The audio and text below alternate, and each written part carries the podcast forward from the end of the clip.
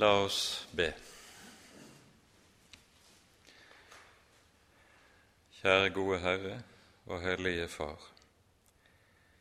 Så takker og lover vi deg at vi skal få samles på ny i ditt hellige navn og om ditt dyrebare ord.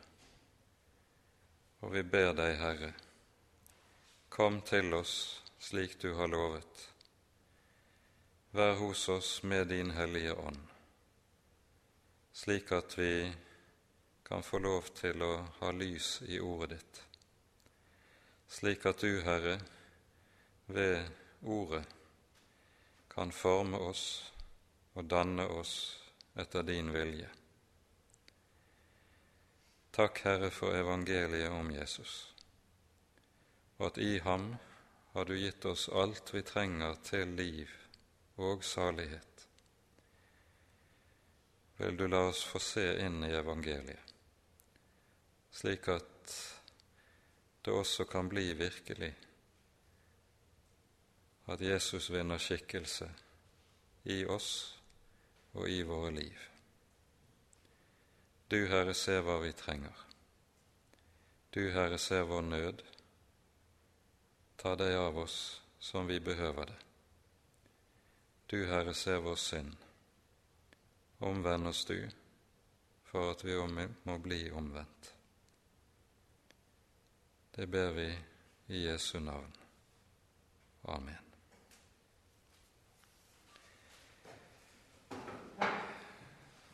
Sist gang så rakk vi altså så vidt å komme til det tolvte verset i kapittel tolv. Og da gir vi oss i dag i kast med avsnittet fra vers 13 og ut kapittelet.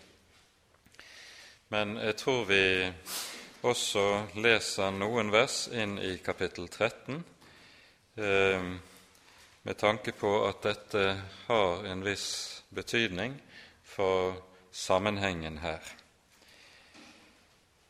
Vi leser i Jesu navn. Ta dere av de hellige i deres trang, legg vind på gjestfrihet. Velsign dem som forfølger dere, velsign og forbann ikke.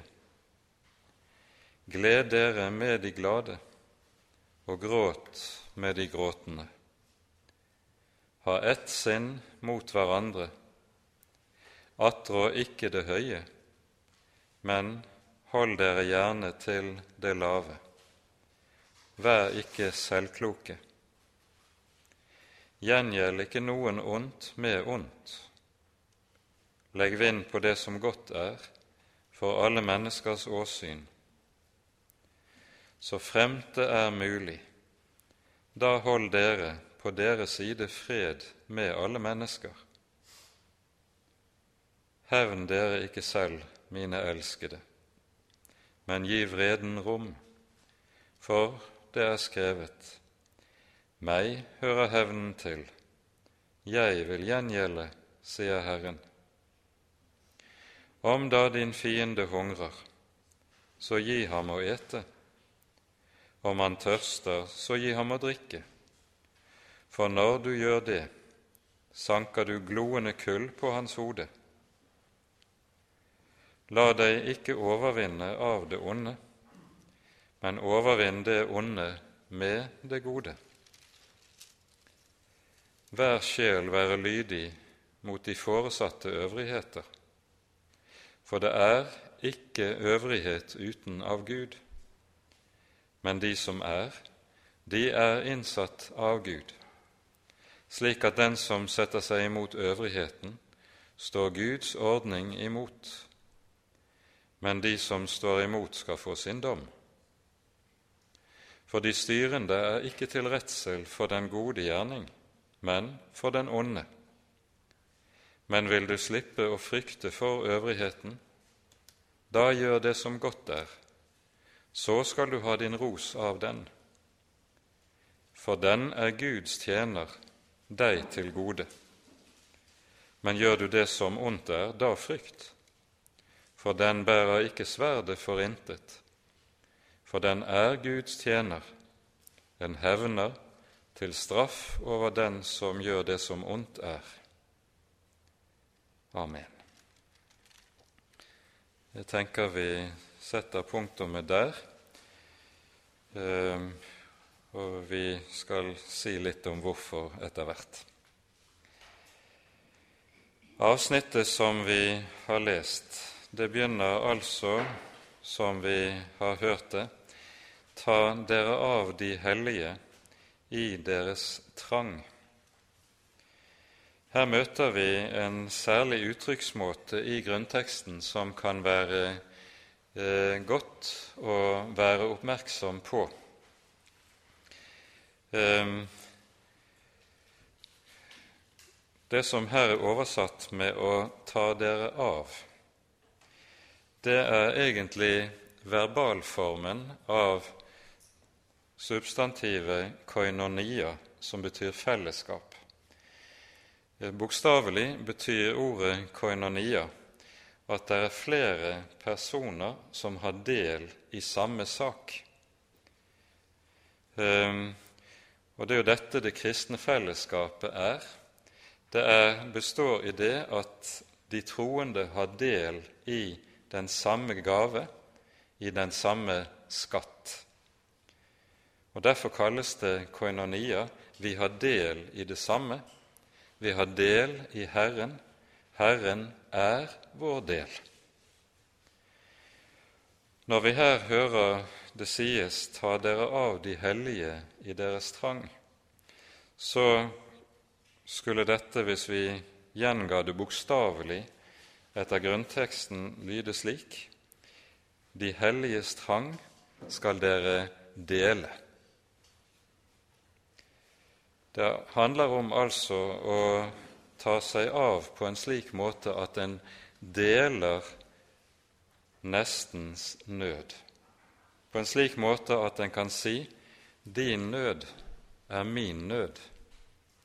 Det er tankegangen i verbet som brukes i denne sammenheng.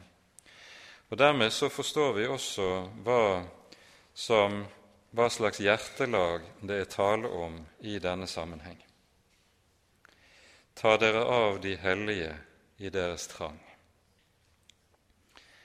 Som vi har pekt på tidligere, så er dette avsnittet, kapittel 12 her i Romerbrevet, og også store deler av de formanende tekstene lenger ute, de handler om det indre forhold i menigheten, om hvorledes de troende skal forholde seg til hverandre, fordi det ligger apostelen så uhyre tungt på hjertet å verne om fellesskapet de troende imellom, og verne om enheten de troende imellom. Denne enhet og dette fellesskap er jo truet. Truet av det enkle faktum at den kristne menighet jo består av syndere. Det består av frelste syndere. Men vi har fortsatt gamle Adam hos oss, og han ytrer seg sannelig både på den ene og på den annen måte, også innad i menighetens felles liv. Og det er nettopp med tanke på dette at apostelen taler som han gjør i disse kapitlene.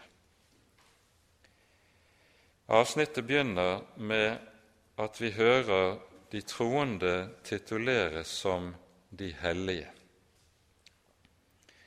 Dette er i Det nye testamentet et æresnavn på Guds folk, på den kristne menighet. Vi hører jo hvorledes alle brevene i, fra Paulus hånd de er adressert til de hellige de hellige som er i Rom, i Efesos, i Tessaloniki osv. Det er de hellige som er betegnelse for de troende i menigheten. Og Nå er det slik i Den hellige Skrift at når ordet 'hellig' anvendes som betegnelse på noe her i verden, enten det er gjenstander eller steder, eller det er personer, så betyr det alltid noe som er utskilt fra verden for å være innviet til Gud, for at det skal høre Herren til. Og denne utskillelse og adskillelse fra verden og fra den verdslige bruk, den skjer i og med Jesu frelsesgjerning. I innledningen til Galaterbrevet hører vi Paulus sier om Jesus vi hører åpningshilsen 'Nåde være med dere og fred fra Gud vår Far' og den Herre Jesus Kristus. Og så kommer det 'Han som ga seg selv for oss, for å utfri oss av den nåværende onde verden'. Altså selve det å bli utfridd, utskilt fra verden, altså å helliges, det er en grunnleggende frukt av Jesu død på korset, av Jesu frelses gjerning. Og Det er jo det samme vi hører om Israel i den gamle pakt, når de står foran Sinai og kalles det hellige folket.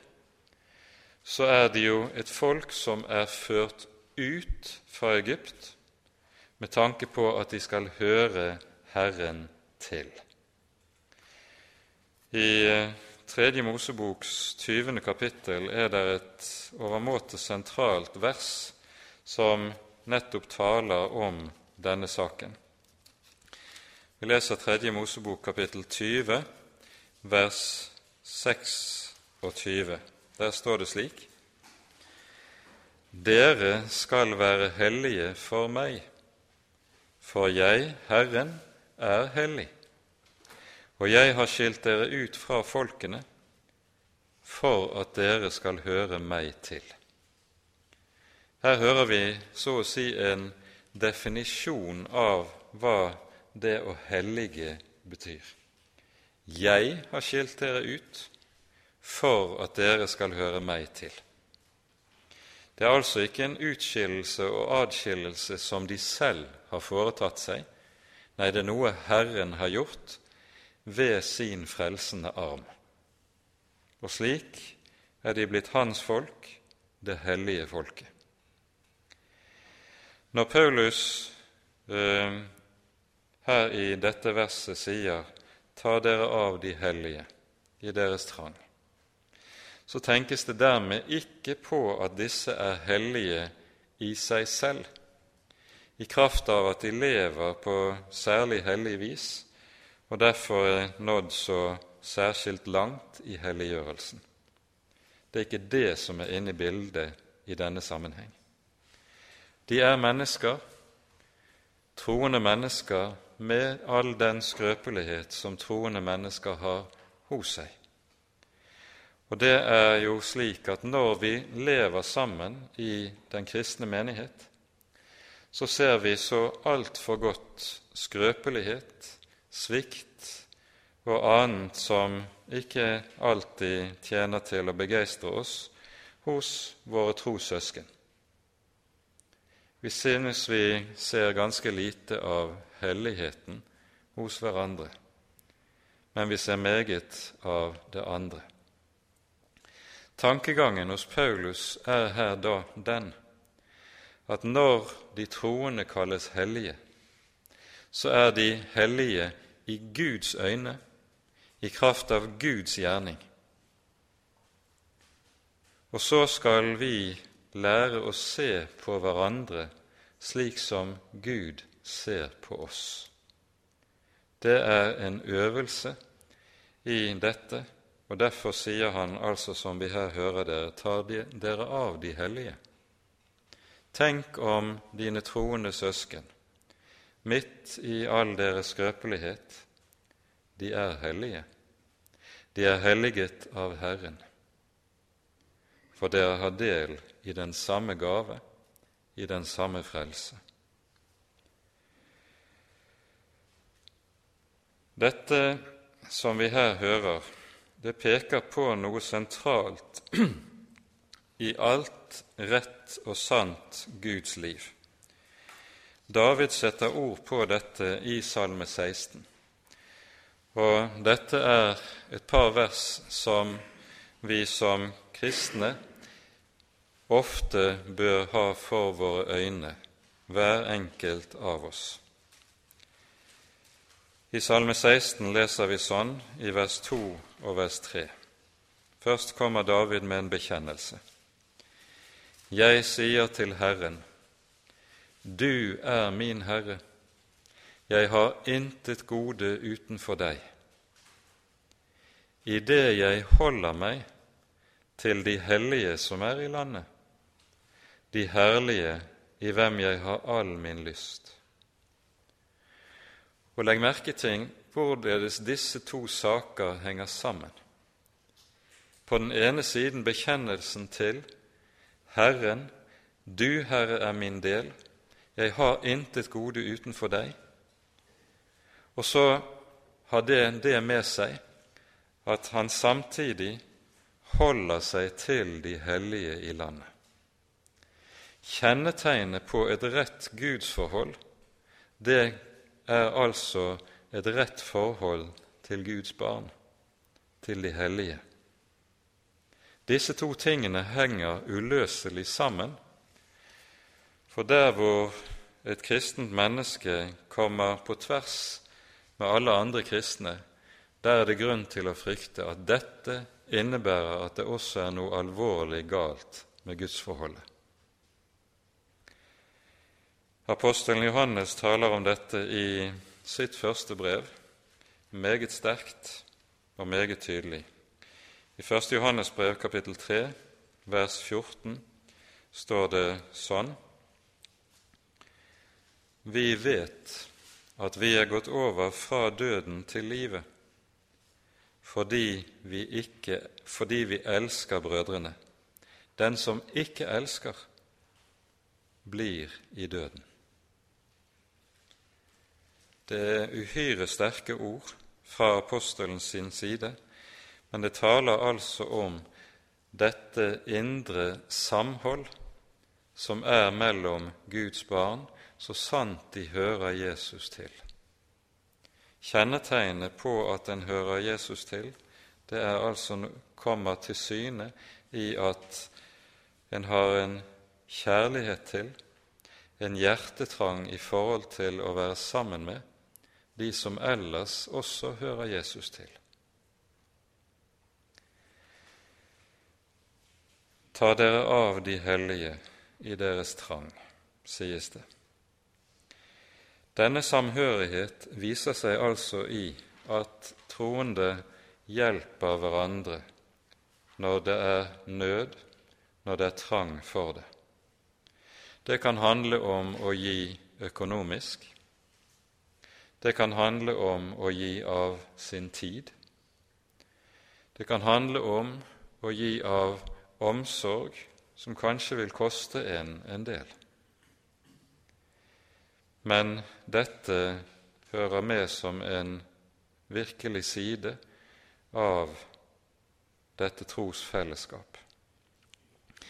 I Davidssalme 118 finner vi en underlig formulering som ikke kommer frem i våre oversettelser, eh, men som kan være vel verd å merke seg. For når troende mennesker på denne måten tar seg av hverandre, hjelper hverandre, trøster hverandre, bærer hverandre, så er dette en Guds gjerning. For det er jo nettopp dette som er Herrens gjerning når Han tar seg av oss i vår nød. Jesus sier, 'Kom til meg, alle dere som strever og har tungt å bære, og jeg vil gi dere hvile. Jesus tar seg av oss gjennom å bære oss. Og så er det at apostelen peker på dette skal også de troende gjøre overfor hverandre. Og slik går de inn i Jesu egen gjerning og Jesu egen omsorg for trossøsknene. I Davidssalme 118 vers 7 leser vi i denne oversettelsen står det slik Herren er med meg, den som hjelper meg. I grunnteksten står det annerledes. Herren er med meg i de som hjelper meg. Og det er, pekes dermed på den sammenheng at når troende slik tar seg av hverandre, så de i, står de inne i Herrens egen gjerning. Legg merke til dette, for dette taler stort om hvorledes Herren tenker om disse tingene. Ta dere av de hellige i deres trang. Herren er hos meg i mine hjelpere. Og Dette er vel noe troende mennesker gang på gang også opplever. Du er oppe i en vanskelig situasjon. Det er ting som virkelig kan ligge tungt og trykke på deg. Og så får du et håndslag fra en medkristen. Kanskje vedkommende ikke engang vet stort om hva du står oppe i. Eller kanskje vedkommende vet det meget godt og forstår hva du har å kjempe med. Men nettopp dette håndslaget fører til at du på ny kan løfte hodet. Du får oppleve det som at 'Herren har ikke glemt meg'. Nettopp igjennom slike håndslag som kommer fra trossøsken. Ta dere av de hellige i deres trang. Dette er ting som er dypt rotfestet i Bibelens tenkning om det kristne fellesskapet. Og dette går jo også så grunnleggende på tvers av det som er det naturlige menneskets egoisme og selvopptatthet. Men det vokser frem der hvor vi vet Herren er min del, i det jeg holder meg til de hellige som er i landet. En naturlig fortsettelse på det som her lyder, det er at det så sies Legg vind på gjestfrihet. I um, den første kristne tid er dette noe som dekker et akutt problem. For det var slett ikke uvanlig at troende mennesker ble drevet fra hus og hjem nettopp på grunn av troen og bekjennelsen til Jesus. Og så ble det dermed også helt nødvendig at troens folk tok seg av hverandre, ikke opererte med lukkede dører.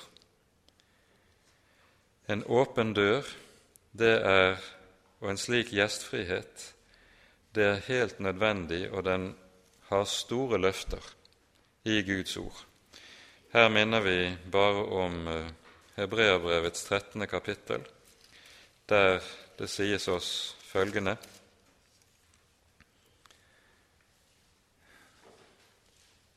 Glem ikke gjestfriheten, står det i vers 2. Glem ikke gjestfriheten, for ved den har noen, uten å vite det, hatt engler til gjester.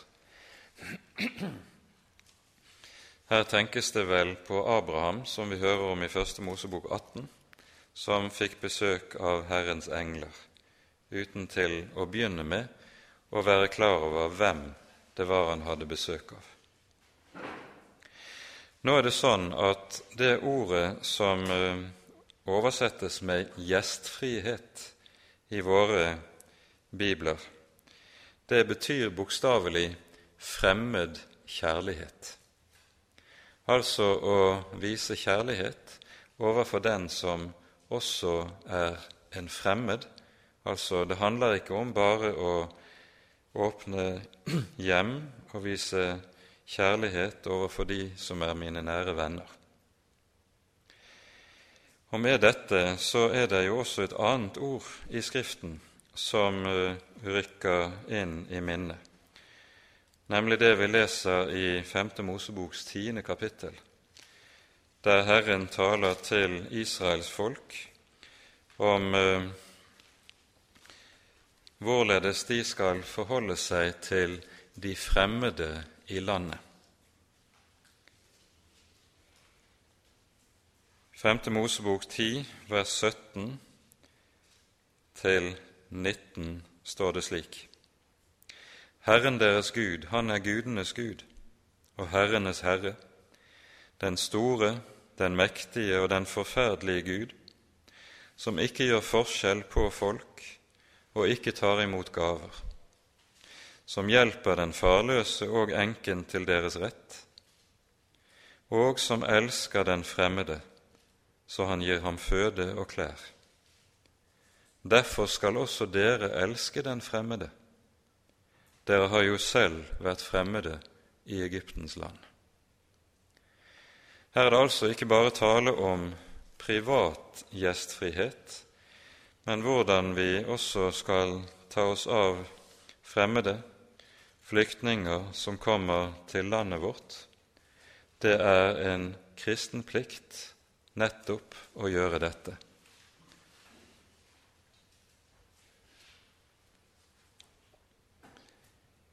Kanskje vi også skal minne om, når eh, apostelen taler om gjestfrihet, så taler Jesus om samme saken i eh, Lukasevangeliets 14. kapittel. Her eh, er Jesus innbudt til gjestebud, og vi hører han sier i Lukas 14, vers 12.: han sa også til den som hadde innbudt ham, når du gjør gjestebud, middag eller aften, da innby ikke dine venner eller dine brødre eller dine frender eller rike granner, for at ikke de skal be deg igjen, så du får gjengjeld. Men når du gjør gjestebud, da be fattige, vannføre, halte, blinde, så er du salig, for de har ikke noe å gi deg igjen, men du skal få det igjen i de rettferdiges oppstandelse.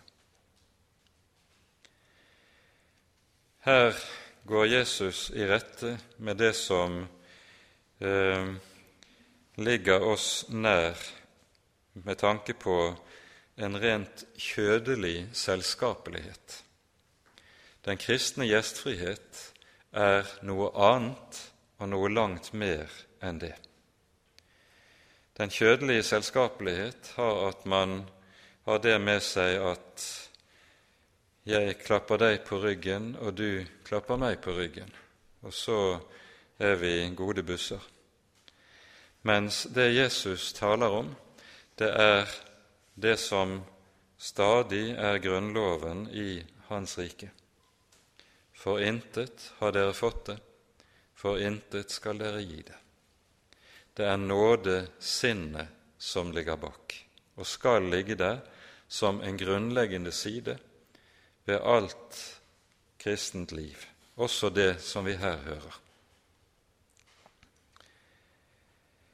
Ordet eh, 'legge vind på' det betyr bokstavelig å etterjage eller forfølge. Det er altså noe som en bevisst søker etter for å nå tak i. Faktisk er det det samme ordet som anvendes i det 14. verset når det står 'velsign dem som forfølger dere'. Så det taler om å forfølge gjestfriheten. Det er tankegangen som ligger i dette. Så kommer neste formaning. Velsign dem som forfølger dere, velsign og forbann ikke. Her går apostelen inn i noe som vi hører Jesus jo også taler om, ikke minst i bergpreken. Her taler Jesus meget tydelig om hvorledes hans disipler skal forholde seg under forfølgelse, for han har talt meget tydelig om at det kommer. Og store deler av den kristne kirkes historie har også vært forfølgelsestider. Og ofte har forfølgelse vært kjennetegnet av det som vi kan lese om f.eks. i Matteus 5, i saligprisningene når Jesus sier følgende Salige er de som er forfulgt for rettferdighets skyld, for himlenes rike er deres. Salige er dere når de spotter og forfølger dere og lyver dere alle hånde ondt på for min skyld. De kristne blir løyet på.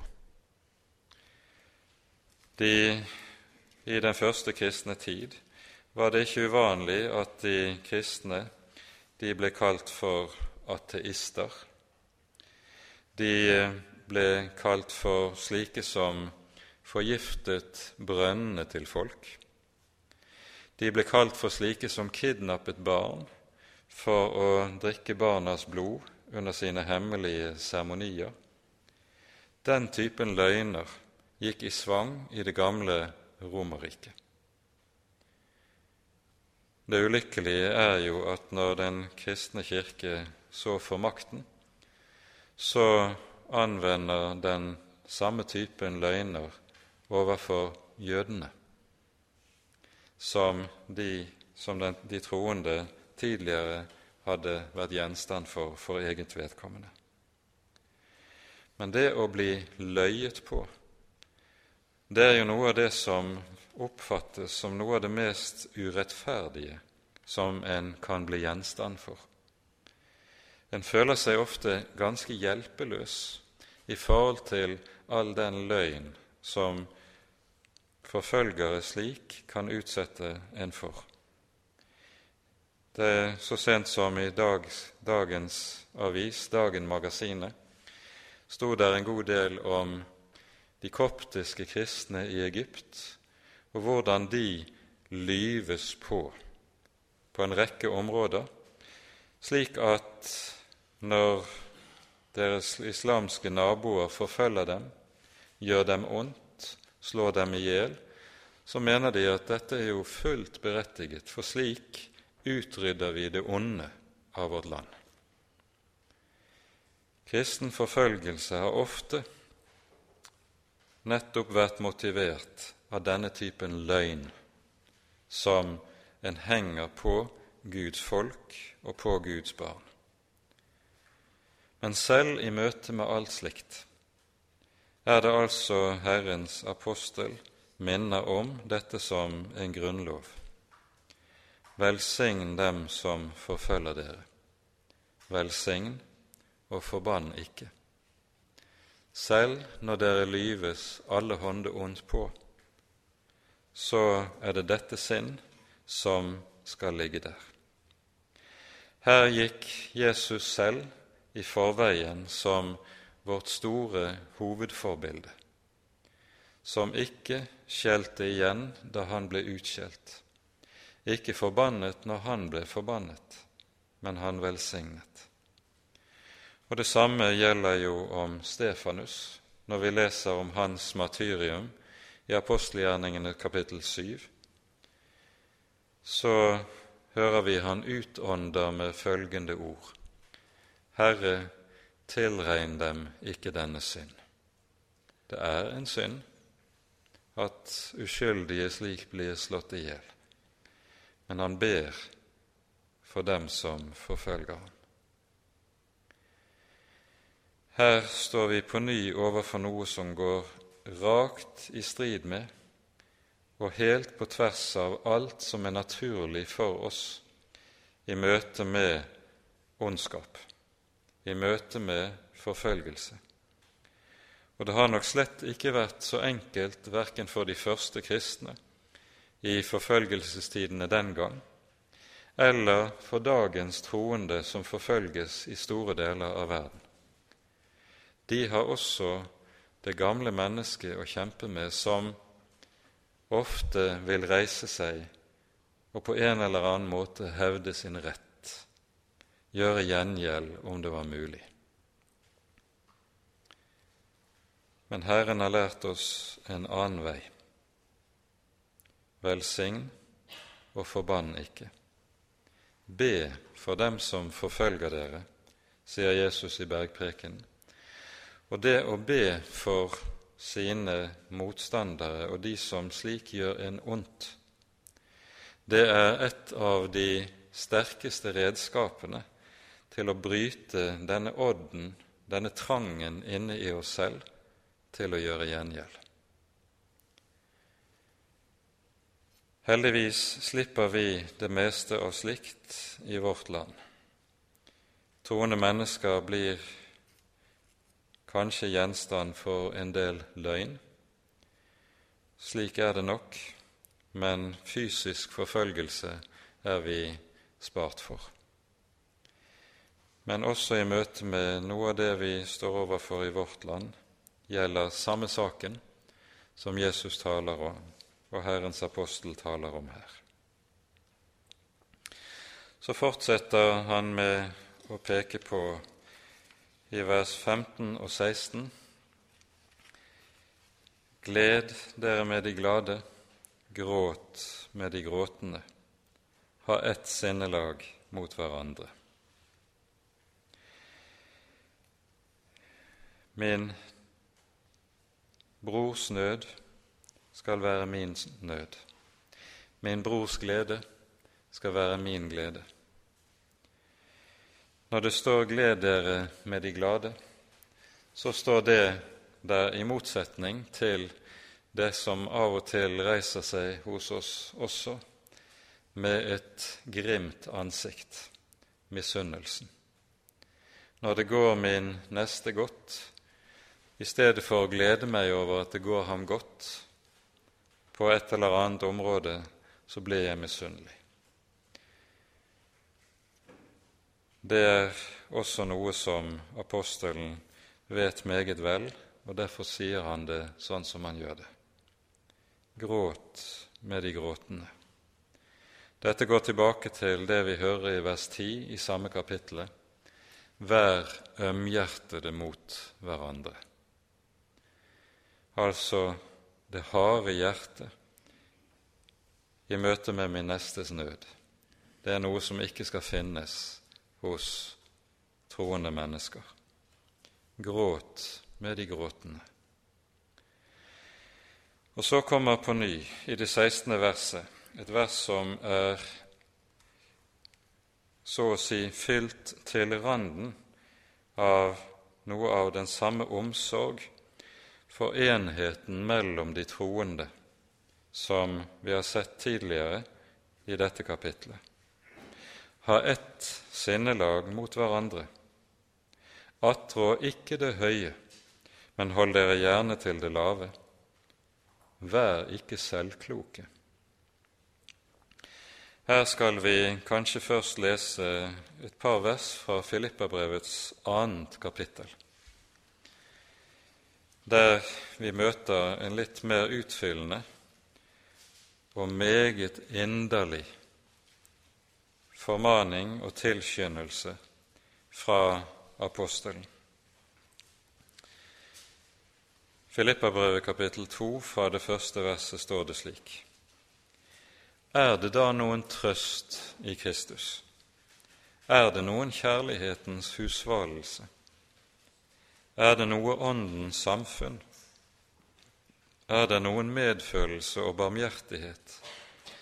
Da gjør min glede fullkommen, så dere har det samme sinn, idet dere har den samme kjærlighet, og med én sjel har det ene sinn, og ikke gjør noe av trettesyke eller lyst til tom ære, men i ydmykhet akter hverandre høyere enn dere selv og ikke ser hver på sitt eget, men enhver også på den annens beste.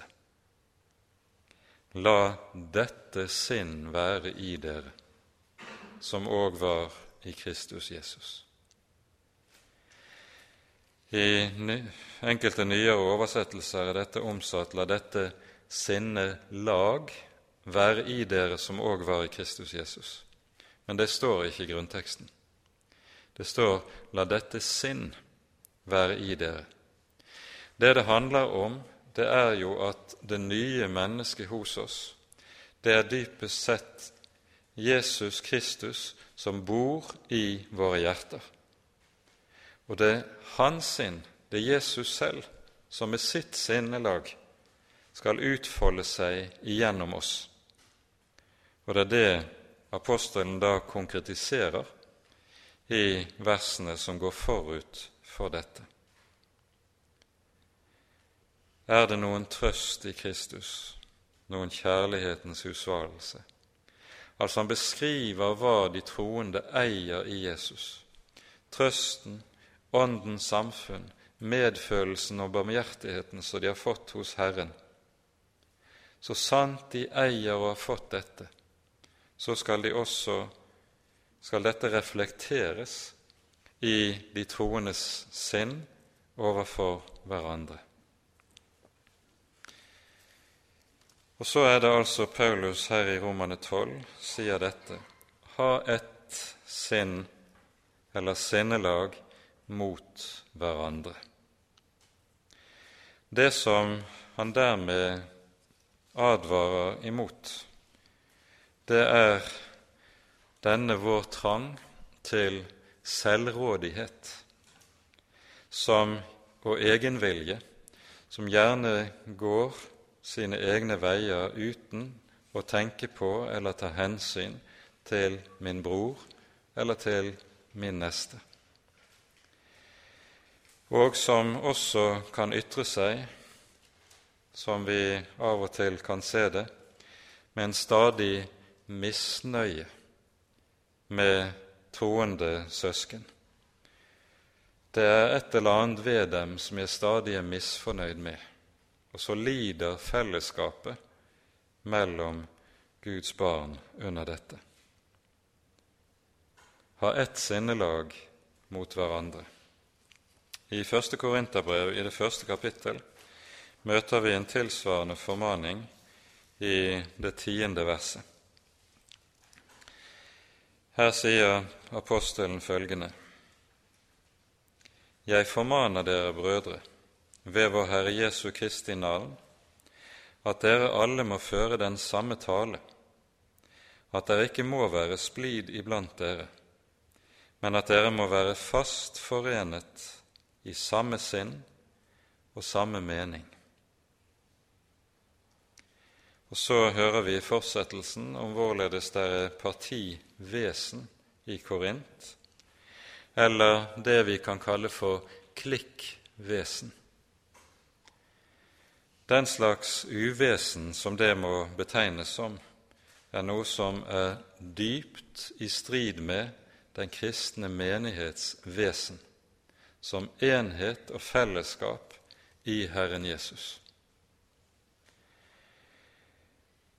Nå er det jo sånn, som vi ofte kan oppleve og se det, at det er like mange meninger som det er hoder i en kristen menighet. Og det sier seg selv at på en del områder er det ganske naturlig at det vil være ulike meninger om ulike praktiske forhold. Når det gjelder det som Guds ord taler om, skal det ikke være ulike meninger. Der skal det være én mening og ett sinn. For enheten i Herren, det er nettopp enhet i Guds ord. Men så er det så mange andre ting, praktisk område av ulik art, der det kan være ganske mange forskjellige meninger, og det kan bli brytninger mellom de troende. Naturlig er dette, og det vil alltid være slik at det vil Det trengs også at ulike meninger brytes mot hverandre. Men dersom det fører til misstemning, partivesen, misnøye imellom de troende, dersom det fører til at det skaper, skapes klikker og partier mellom de troende i menigheten, da er det ikke lenger Den hellige ånd som råder imellom dem. Vi må kunne være uenige om slikt som Guds ord ikke taler om, eller gir bestemte forordninger og retningslinjer om, uten at det skal medføre at det får slike konsekvenser, at det blir skillelinjer, og at det blir murer de troende imellom. Dersom det kommer til å skje, så får vi nettopp oppleve, oppleve eller se for våre øyne det som Paulus taler om når det gjelder menigheten i Korint. Vi leser de tre første versene i kapittel tre i første Korinterbrev. Her skriver Paulus følgende om korinterne. Jeg, brødre, kunne ikke tale til dere som til åndelige, men bare som til kjødelige, som til småbarn i Kristus. Jeg ga dere melk og drikke og ikke fast føde, for dere tålte det enda ikke. Ja, dere tåler det ikke ennå. Dere er jo enda kjødelige. For når dere er arvind og trette blant dere, er dere da ikke kjødelige og vandrer på menneskelig vis? Paulus betviler ikke at disse korinterne som han her skriver til, er troende mennesker, er kristne mennesker. Men det er tale om altså en slik grad av åndelig umodenhet hos dem at Paulus må kalle dette for en kjødelig kristendom. Og vi skal merke oss nøye dette, denne uttrykksmåten som Paulus har her. Og nettopp denne type kjødelighet den viser seg, den kommer til uttrykk i det partivesen som apostelen slik beskriver. Det viser seg gjerne i kritikksyke, det viser seg i retthaveri. Ofte er det nemlig slik at åndelig umodne mennesker det er de som er aller mest selvsikre av alle. De vet alt. De kan alt. Og derf, da vil det uvegerlig også falle ut på den måten. Mens åndelig modenhet, det vil i stedet være kjennetegnet av det Paulus beskriver i kapittel 13 i Korinterbrevet, der vi leser i det ellevte verset, eller vi kan lese fra vers 9 til 11 slik. Vi skjønner stykkevis, vi taler profetisk stykkevis, men når det fullkomne kommer, da skal det som er stykkevis, få en ende. Da jeg var barn, talte jeg som et barn og tenkte jeg som et barn. Dømte jeg som et barn, men da jeg ble mann, la jeg av det barnslige. Åndelig modenhet kjennetegnes ved at en også vet om sin egen begrensning. En vet om seg selv at 'jeg kjenner stykkevis'. Noe som gjør at retthaveri ikke får plass.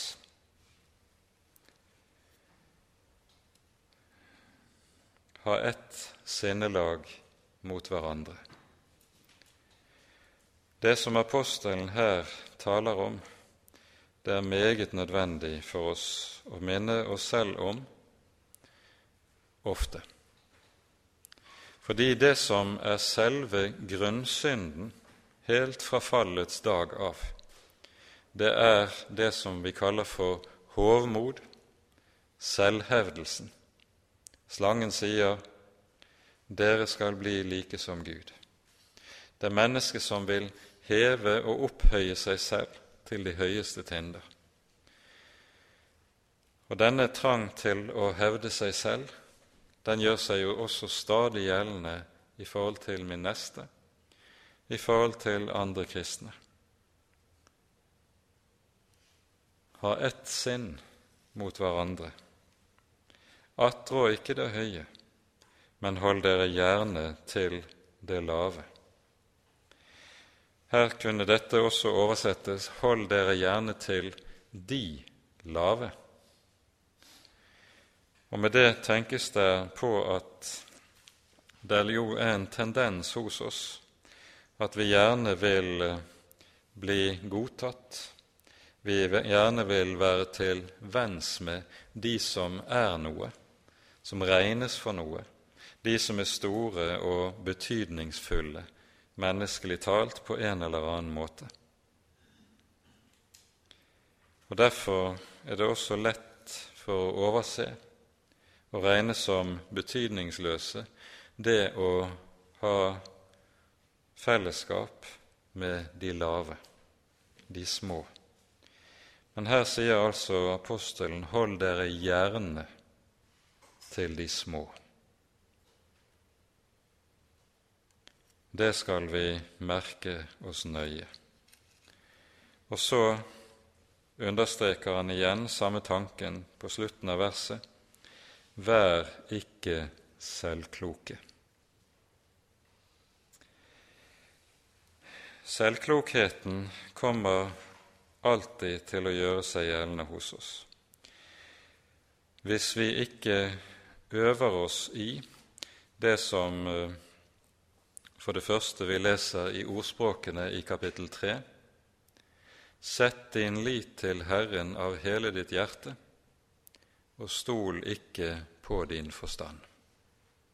Det er punkt én. Det å bli et kristent menneske, det handler ikke minst om å få en grunnleggende mistillit til egen forstand, og nettopp av den grunn vite med seg selv jeg er hjelpeløst avhengig av Guds ord, og at Herren lærer meg. At Herren tar meg på ordets fang om igjen og om igjen hele livet igjennom for at jeg kan lære. For her blir ingen av oss noen gang utlært. Aldri noen gang. For det annet så hører vi i Salme 140 eh, et uttrykk som kan være viktig for oss også å ta med oss.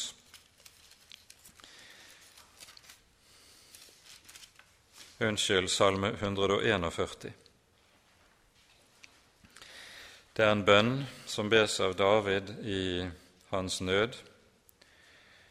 Han ber om å bli reddet og vernet fra onde mennesker som forfølger ham og står han med etter livet.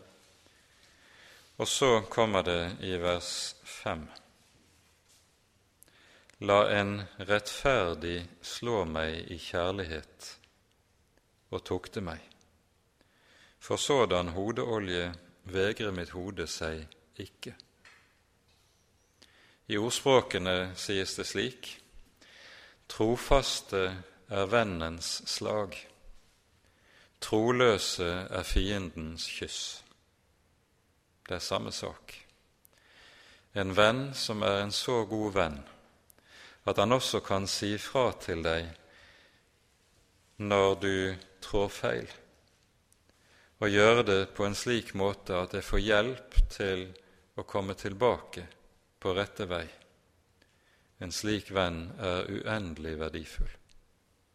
Og vi trenger alle å be om å få slike venner, og kanskje også selv å få være slike venner overfor våre søsken. La en rettferdig slå meg i kjærlighet og tukte meg. Da er det ikke selvklokheten som med en gang vil reise hodet for å forsvare seg selv og sin innbilte rett, men jeg vet dette trengte jeg å høre. Det er et sinn som vil bevare mot meget, meget ondt, som ellers kan trenge inn imellom oss som troende. De siste versene i kapittelet dreier seg så om en advarsel mot det å hevne seg. Gjengjeld ikke noen ondt med ondt. Legg vind på det som godt er, for alle menneskers åsyn. Så fremt det er mulig, da hold på deres side fred med alle mennesker. Hevn dere ikke selv, mine elskede. Nå rekker vi ikke å gå grundig inn i dette heller, men vi vil peke på noen ganske korte saker. For det første, når det er tale om i vers 18, så fremt det er mulig, da hold på deres side fred med alle mennesker. Så peker dette på og minner det om hva Jesus sier i saligprisningene i bergpreken. Salige er de fridsommelige. Det er den gamle oversettelsen. Nyere oversettelser står det 'de som stifter fred eller gjør fred'. Det skal være en hjertetrang hos kristne mennesker at de både skal søke fred med sin neste og søke å skape fred hvor der er strid og ugreie.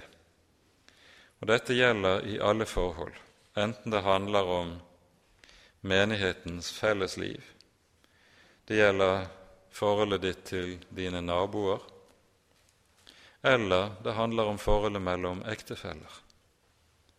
Det er samme grunnformaning som gjelder på alle områder. Så fremt det er mulig, da hold på deres side fred med alle mennesker.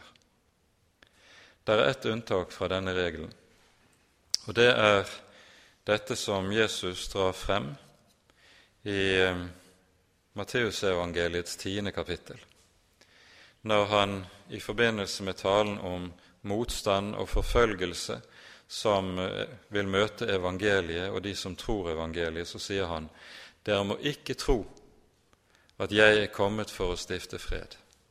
Nei, jeg er kommet for å stifte strid, for å sende sverd. En manns feller skal bli hans fiender, og så hører vi om dette fiendskapet. Dette er et fiendskap som kommer i kraft av evangeliet,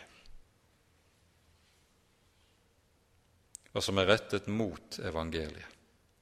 Når det gjelder evangeliet, så skal en kristen ikke bøye av og gi etter.